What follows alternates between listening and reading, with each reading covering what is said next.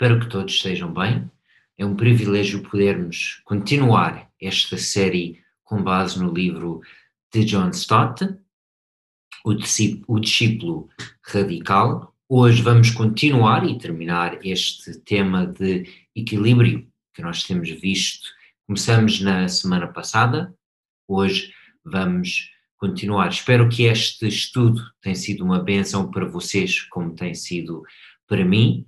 Uh, é um livro que eu conhecia, mas que é sempre bom recordar e reaplicar estas características do discípulo de Cristo, pois nenhum de nós chega à perfeição nesta vida e por isso é sempre bom relembrar estes vários aspectos importantes da nossa fé, por isso que todas as semanas lembramos e vemos uma integração entre alguns destes aspectos. Por isso, a primeira característica que vimos, estar fora do padrão do mundo, remar contra a maré da nossa cultura em alguns aspectos estratégicos, particularmente onde isto leva-nos mais perto do exemplo de Cristo, esta segunda característica, semelhança com Ele, seguir os passos do nosso Mestre, pois é esta definição do discípulo. O discípulo acompanhava o Mestre para aprender com ele, não apenas em contexto da aula, mas também em contexto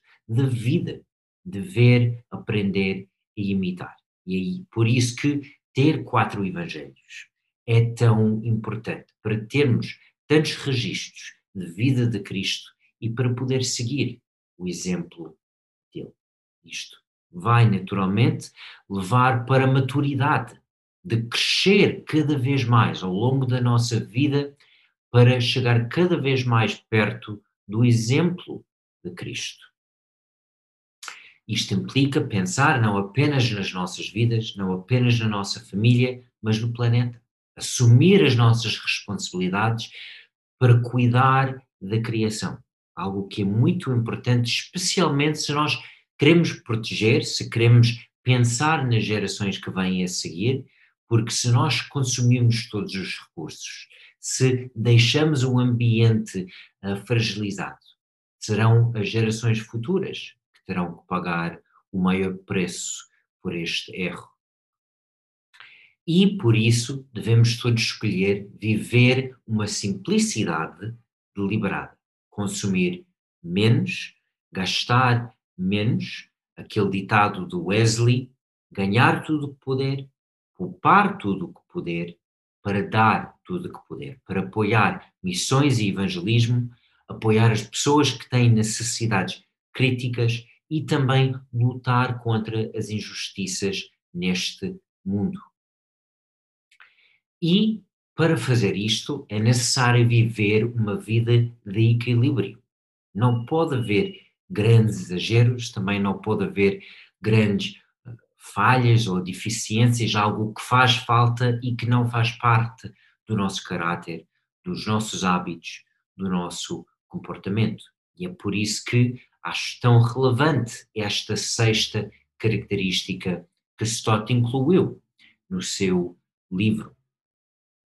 E nós temos perguntado, perguntamos no domingo passado, que tipo de equilíbrio está em vista, pois quem vai ao dicionário e contempla as possíveis definições deste conceito lá, vai encontrar algumas pequenas diferenças ou nuances de significado.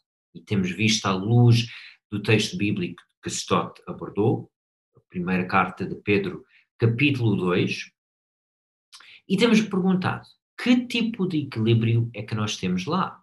E contemplamos duas possibilidades: o sentido do equilíbrio no sentido de igualdade, de ter um pouco de cada coisa uh, seguir o ditado português, nem tanto ao mar, nem tanto à terra.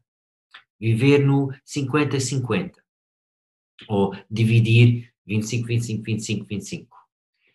Outra ideia é a ideia que vem da música, da harmonia, de ter coisas distintas, mas de ser muito cuidadoso na escolha destes elementos para formar um conjunto de elementos complementares. É o que é feito num coro, é o que é feito num grupo musical, não são todos a tocar as mesmas notas, mas é um conjunto harmonioso de notas que fazem um todo mais completo, mais robusto, que soa melhor e assim também eliminamos os exageros e as deficiências ou as, as faltas das coisas que nós podemos necessitar e não ter. E vimos de facto que no que diz respeito, biblicamente, à nossa visão da identidade, devemos procurar escolher um conjunto harmonioso de valores, pois ser membro da família, pai, mãe, filho, filha, não entra em conflito com ser um discípulo de Cristo. Também não entra em conflito com ser um trabalhador, alguém que tem que trabalhar para ganhar o pão de cada dia, com ser um amigo, até ter alguns uh, passatempos, seja desporto, seja música, seja filmes, seja o que for.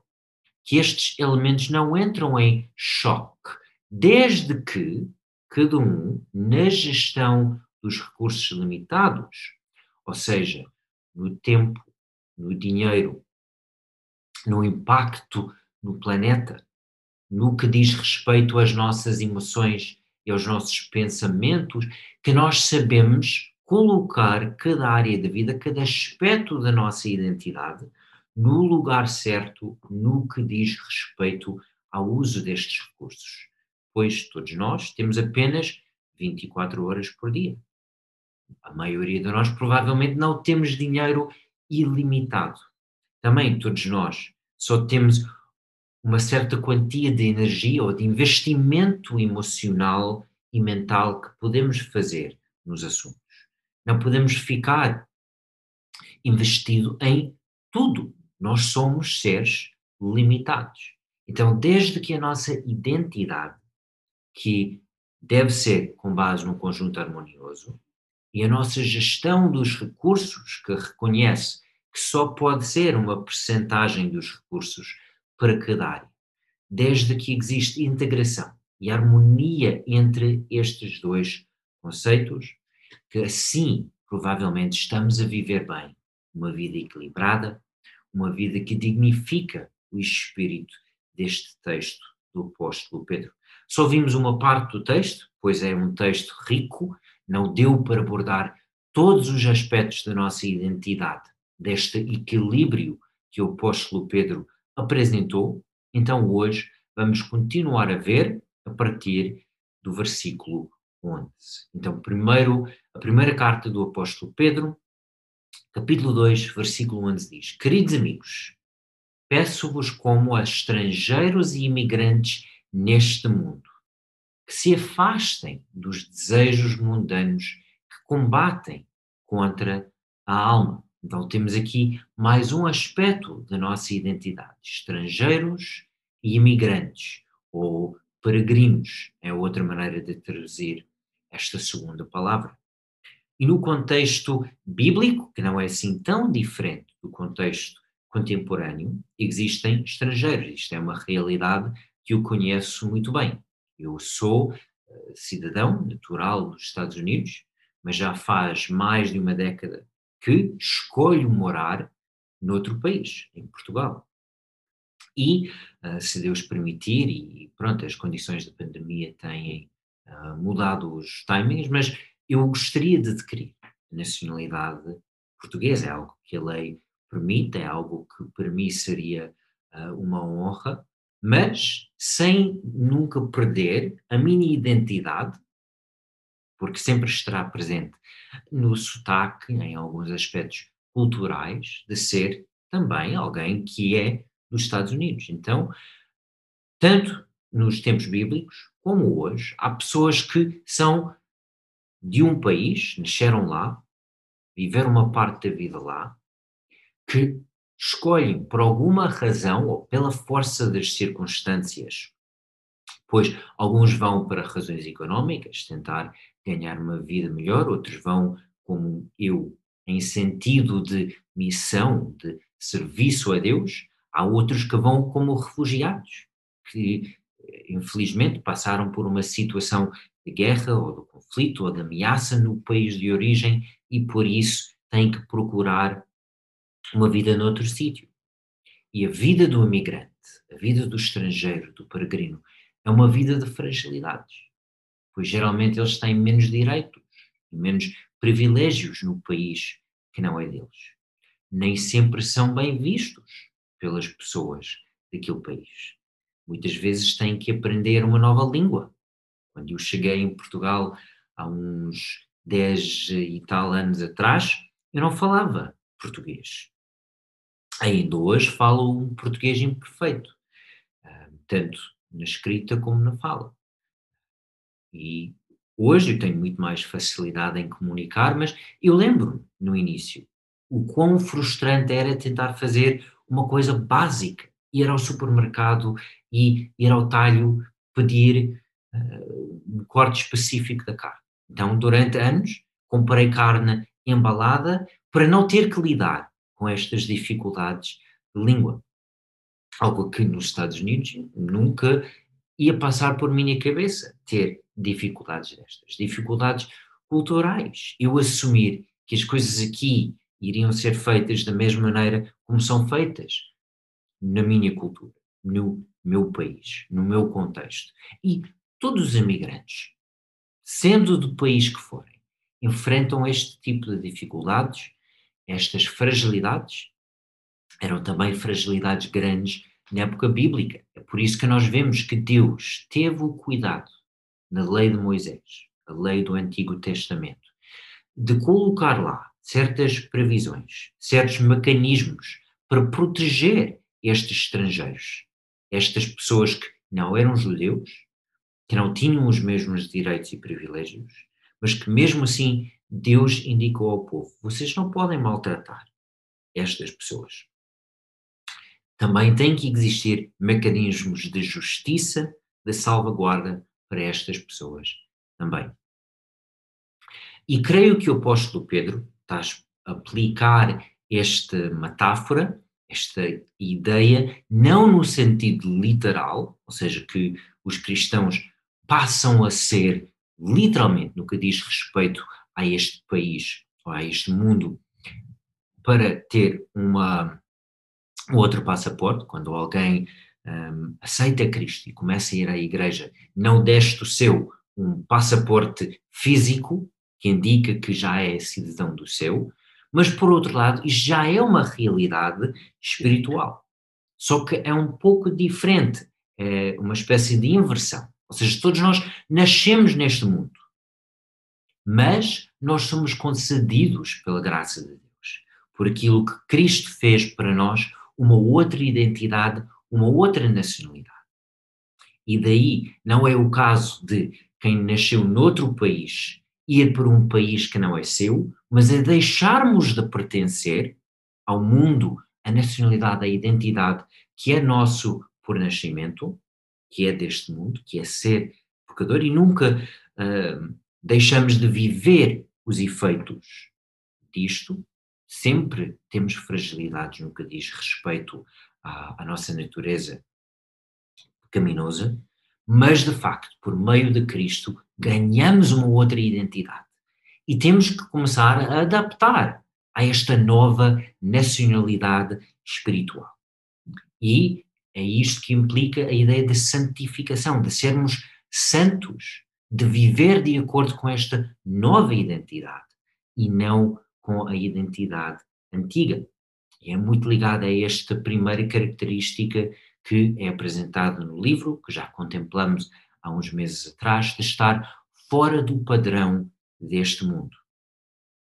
Então, esta ideia de ser estrangeiro, de ser peregrino, ajuda-nos a entender este conceito. E o apóstolo Pedro dá algumas dicas muito específicas tenham bom comportamento no meio dos que não conhecem. Desse modo, se eles agora vos acusam como malfeitores. Temos que lembrar, esta carta foi escrita para igrejas que enfrentaram uma forte perseguição.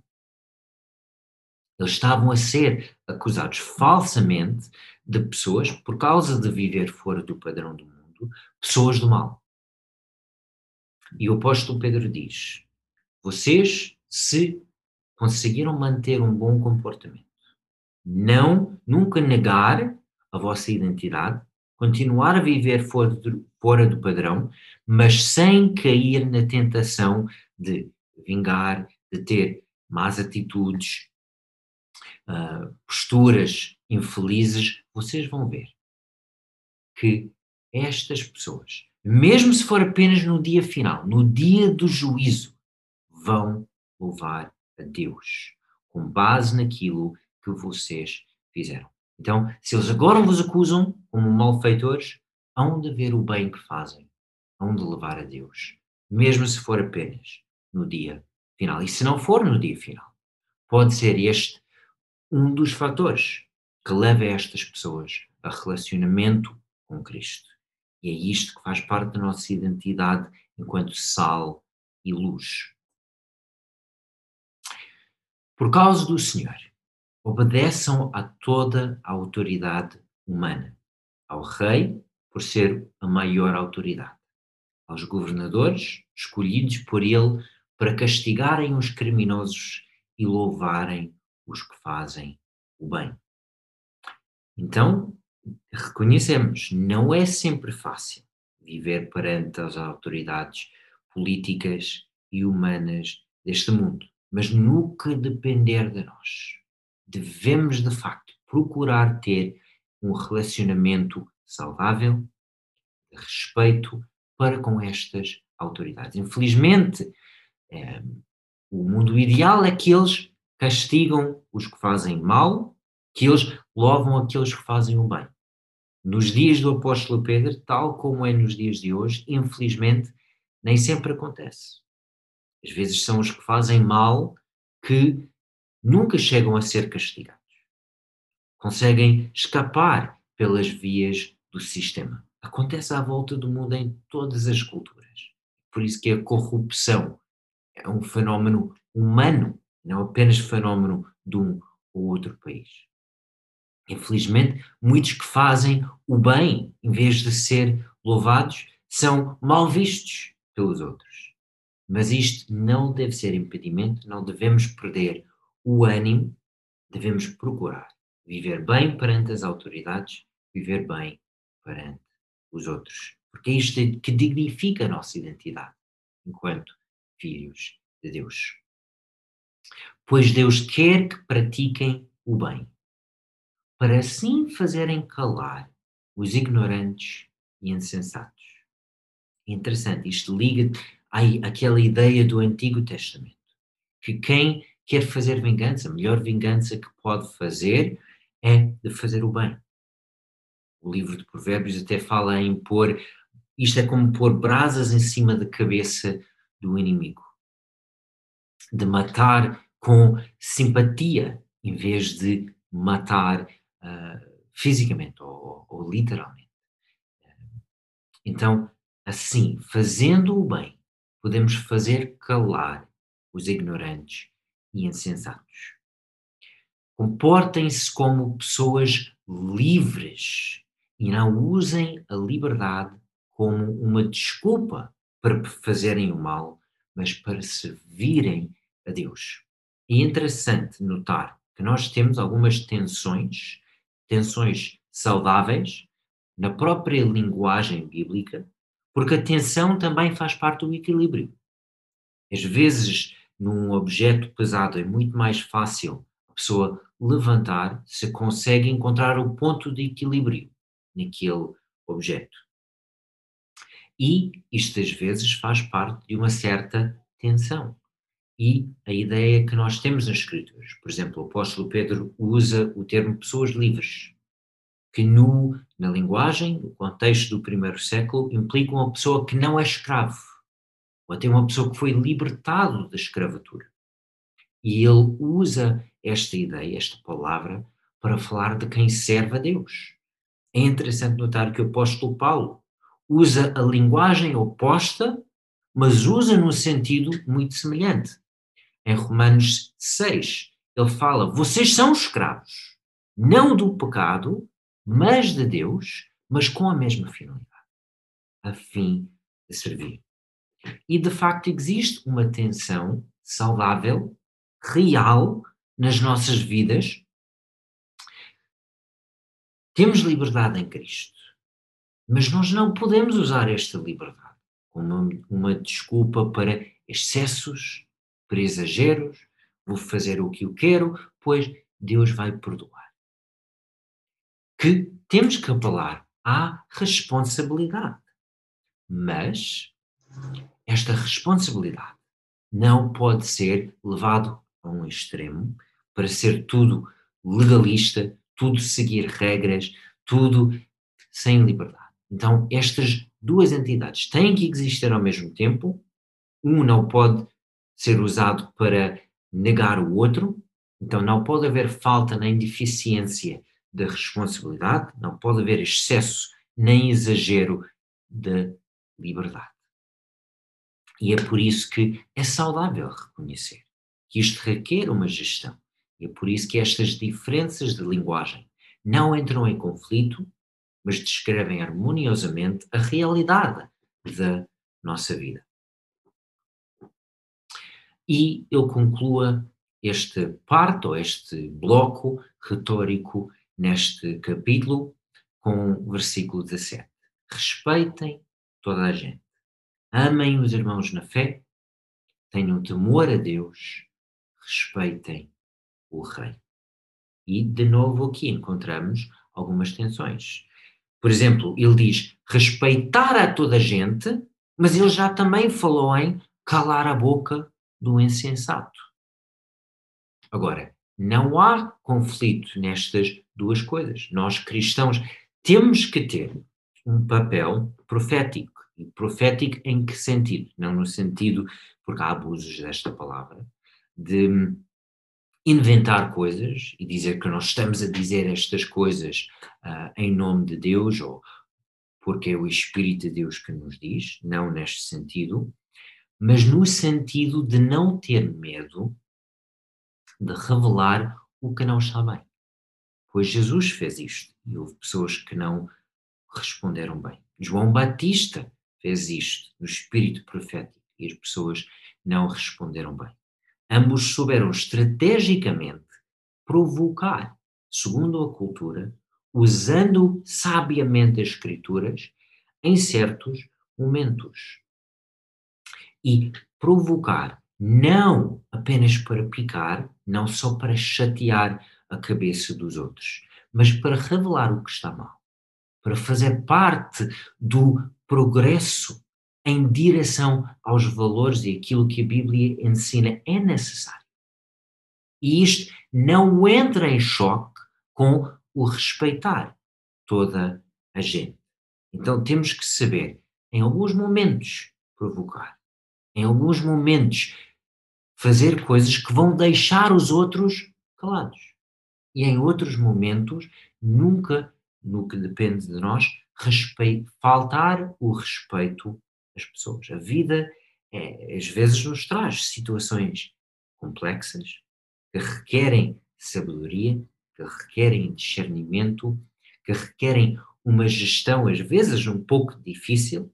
Somos frágeis, nem sempre conseguimos fazer o melhor, mas procurar equilíbrio, procurar harmonia, procurar a oração, a sabedoria de Deus e não negligenciar nenhum destes aspectos, mesmo os aspectos mais complexos de vida cristão, é possível e é necessário. Então, vamos abraçar, abraçar estas tensões, liberdade, responsabilidade o papel profético da Igreja, que nem sempre vai ser bem recebido, mas que é importante. Por outro lado, ser a expressão do amor de Deus, no que depender de nós, de viver em paz com toda a gente. Isto é muito importante para o que diz respeito à nossa identidade e o que diz respeito ao nosso comportamento. Então, o apóstolo Pedro destacou seis aspectos da nossa identidade enquanto os discípulos de Cristo. Crianças recém-nascidas, destinadas a crescer na salvação e na palavra de Deus. pedras vivas que necessitamos uns dos outros para formar um templo santo em comunidade. Nenhum de nós vive sozinho. Precisamos uns dos outros. Somos sacerdotes. Temos este papel de tentar levar pessoas para Deus. Somos destinados a oferecer sacrifícios agradáveis. À luz de Romanos 12, a nossa própria vida é o elemento deste sacrifício agradável. E o sacerdote também tinha o papel em Israel, no Antigo Testamento, de rejeitar sacrifícios que não corresponderam à lei de Deus. Não era o povo que podia chegar lá e oferecer qualquer coisa. Então o, o sacerdote tinha este papel de ajudar o povo a louvar, a viver em conformidade com a lei e devemos ajudar uns aos outros. Somos uma nação de sacerdotes. Temos que ajudar uns aos outros também neste sentido. Somos o povo de Deus, destinado a proclamar as suas obras maravilhosas. E este aspecto de proclamação, de partilha, de falar aos outros, é igualmente importante. Como vimos hoje, somos estrangeiros e peregrinos no percurso de santidade. Em alguns aspectos, implica ficar fora do padrão para adaptar a nossa verdadeira identidade, que será a nossa identidade para a eternidade. Filhos de Deus, cidadãos do reino dos céus em Cristo Jesus. E o sexto aspecto, pessoas livres e ao mesmo tempo escravos de Deus, não escravos do pecado. Isto para podermos dedicar ao serviço de Deus. Somos livres, ao mesmo tempo somos responsáveis. E John Stott iniciou este capítulo e voltou a este exemplo no final do capítulo com o exemplo do príncipe do Reino Unido. Muitos têm falado nas últimas semanas um, da família real do Reino Unido por causa do funeral do príncipe Filipe e de facto nós notamos que há certas exigências, há certos protocolos para a família real, que as pessoas normais um, talvez têm um pouco mais de liberdade, também têm ou menos privilégios, então é um estilo de vida muito peculiar. E o pai de um príncipe disse algo, e Stott citou dessa forma, se lembrasse de que era um príncipe real, certamente teria um comportamento adequado. E creio que é uma frase que aplica também a nós. Mas a pergunta que cada um de nós deve contemplar é: será que o nosso comportamento, porque nós somos estas seis coisas que acabamos de ver na carta do apóstolo Pedro, somos filhos de Deus, somos povo de Deus, somos sacerdotes, somos crianças recém-nascidas, pedras vivas, estrangeiros, peregrinos, servos, livres, todas estas coisas. Esta é a nossa identidade.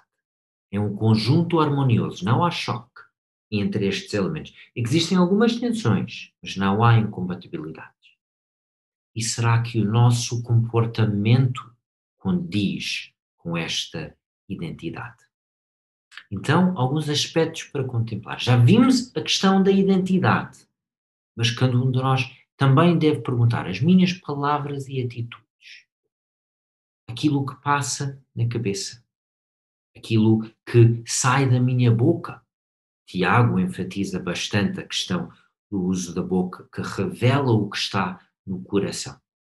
Será que estes comportamentos condizem com a minha identidade? A mesma coisa no que diz respeito com aquilo que é invisível aos outros, a nossa vivência interior, as emoções, os pensamentos. Será que nós, no interior, não expressamos, mas temos muita raiva? Ou temos muita tristeza? Ou temos muitas fantasias na cabeça que talvez não ajudam a viver uma vida santa? São coisas que podem passar despercebidas aos outros, mas muita coisa que, quando é finalmente revelada, causa hum, muita dificuldade aos outros, ou até uma certa revolta ou muita tristeza aos outros, começou durante anos, décadas até talvez, no interior da pessoa, escondido. E por causa de algumas dificuldades de gestão pessoal, interior, nas emoções e nos pensamentos, depois sai para fora e causa muitos estragos. Os chineses, por exemplo, têm um provérbio: Call no man happy till he's dead. Não chama ninguém feliz até que chegou à morte. A ideia de que todos nós podemos chegar a ter uma infelicidade, mesmo se for nos últimos momentos da vida. Mas digo à luz de alguns acontecimentos recentes, alguns líderes cristãos, alguns que os seus escândalos só foram revelados depois da sua morte. Mesmo depois da morte. Pode ser que o nosso legado, aquilo que nós fizemos, aquilo que em vida conseguimos tapar, esconder, mas que posteriormente os outros venham a descobrir, pode estragar tudo. Então temos que cuidar deste mundo interior, as emoções e os pensamentos, porque isto vai ter uma influência também no nosso comportamento. Será que a nossa gestão do tempo, do planeta, das finanças, assuntos que temos falado ao longo dos últimos domingos, não vou uh, enfatizar muito mais estas áreas para não bater sempre na mesma tecla, mas isto faz parte do nosso comportamento. E isto também faz parte de coerência para com a nossa identidade. E também levanto a ideia de postura política, postura económica e o que nós fazemos nestas áreas. Pode ou não fazer parte deste papel profético, este papel de ter a coragem de sempre representar nas ações, nas posturas, nas palavras, os valores de Deus mesmo quando os outros à nossa volta não gostam disto. Mas faz parte deste papel profético. João Batista disse algumas palavras duras às pessoas da sua época. Mas isto levou muita gente a arrepender, a mudar de vida. E vivemos num sistema político que certamente tem necessidade de mudanças. Vivemos num sistema económico que certamente há áreas onde deve haver mudanças. E nós devemos ter a coragem de fazer parte da solução, não apenas reclamar, não apenas lançar críticas, e a nossa postura, o nosso comportamento neste sentido, também deve ser um reflexo da nossa identidade. Então, algumas áreas para refletir e é sempre importante para procurar ouvir a voz do Espírito, ouvir a palavra do Senhor. Contemplar estes seis aspectos apresentados pelo apóstolo Pedro e ver, será que o nosso comportamento é, nestas áreas, um reflexo da nossa identidade? Pois é assim que dignificamos Deus que dignificamos a nossa nova identidade que só temos graças àquilo que Cristo fez para nós e temos esta segurança que nós somos cidadãos do reino dos céus. Então vamos viver também à luz desta identidade. Uma semana abençoada, um abraço para cada um de vocês. Deus vos abençoe.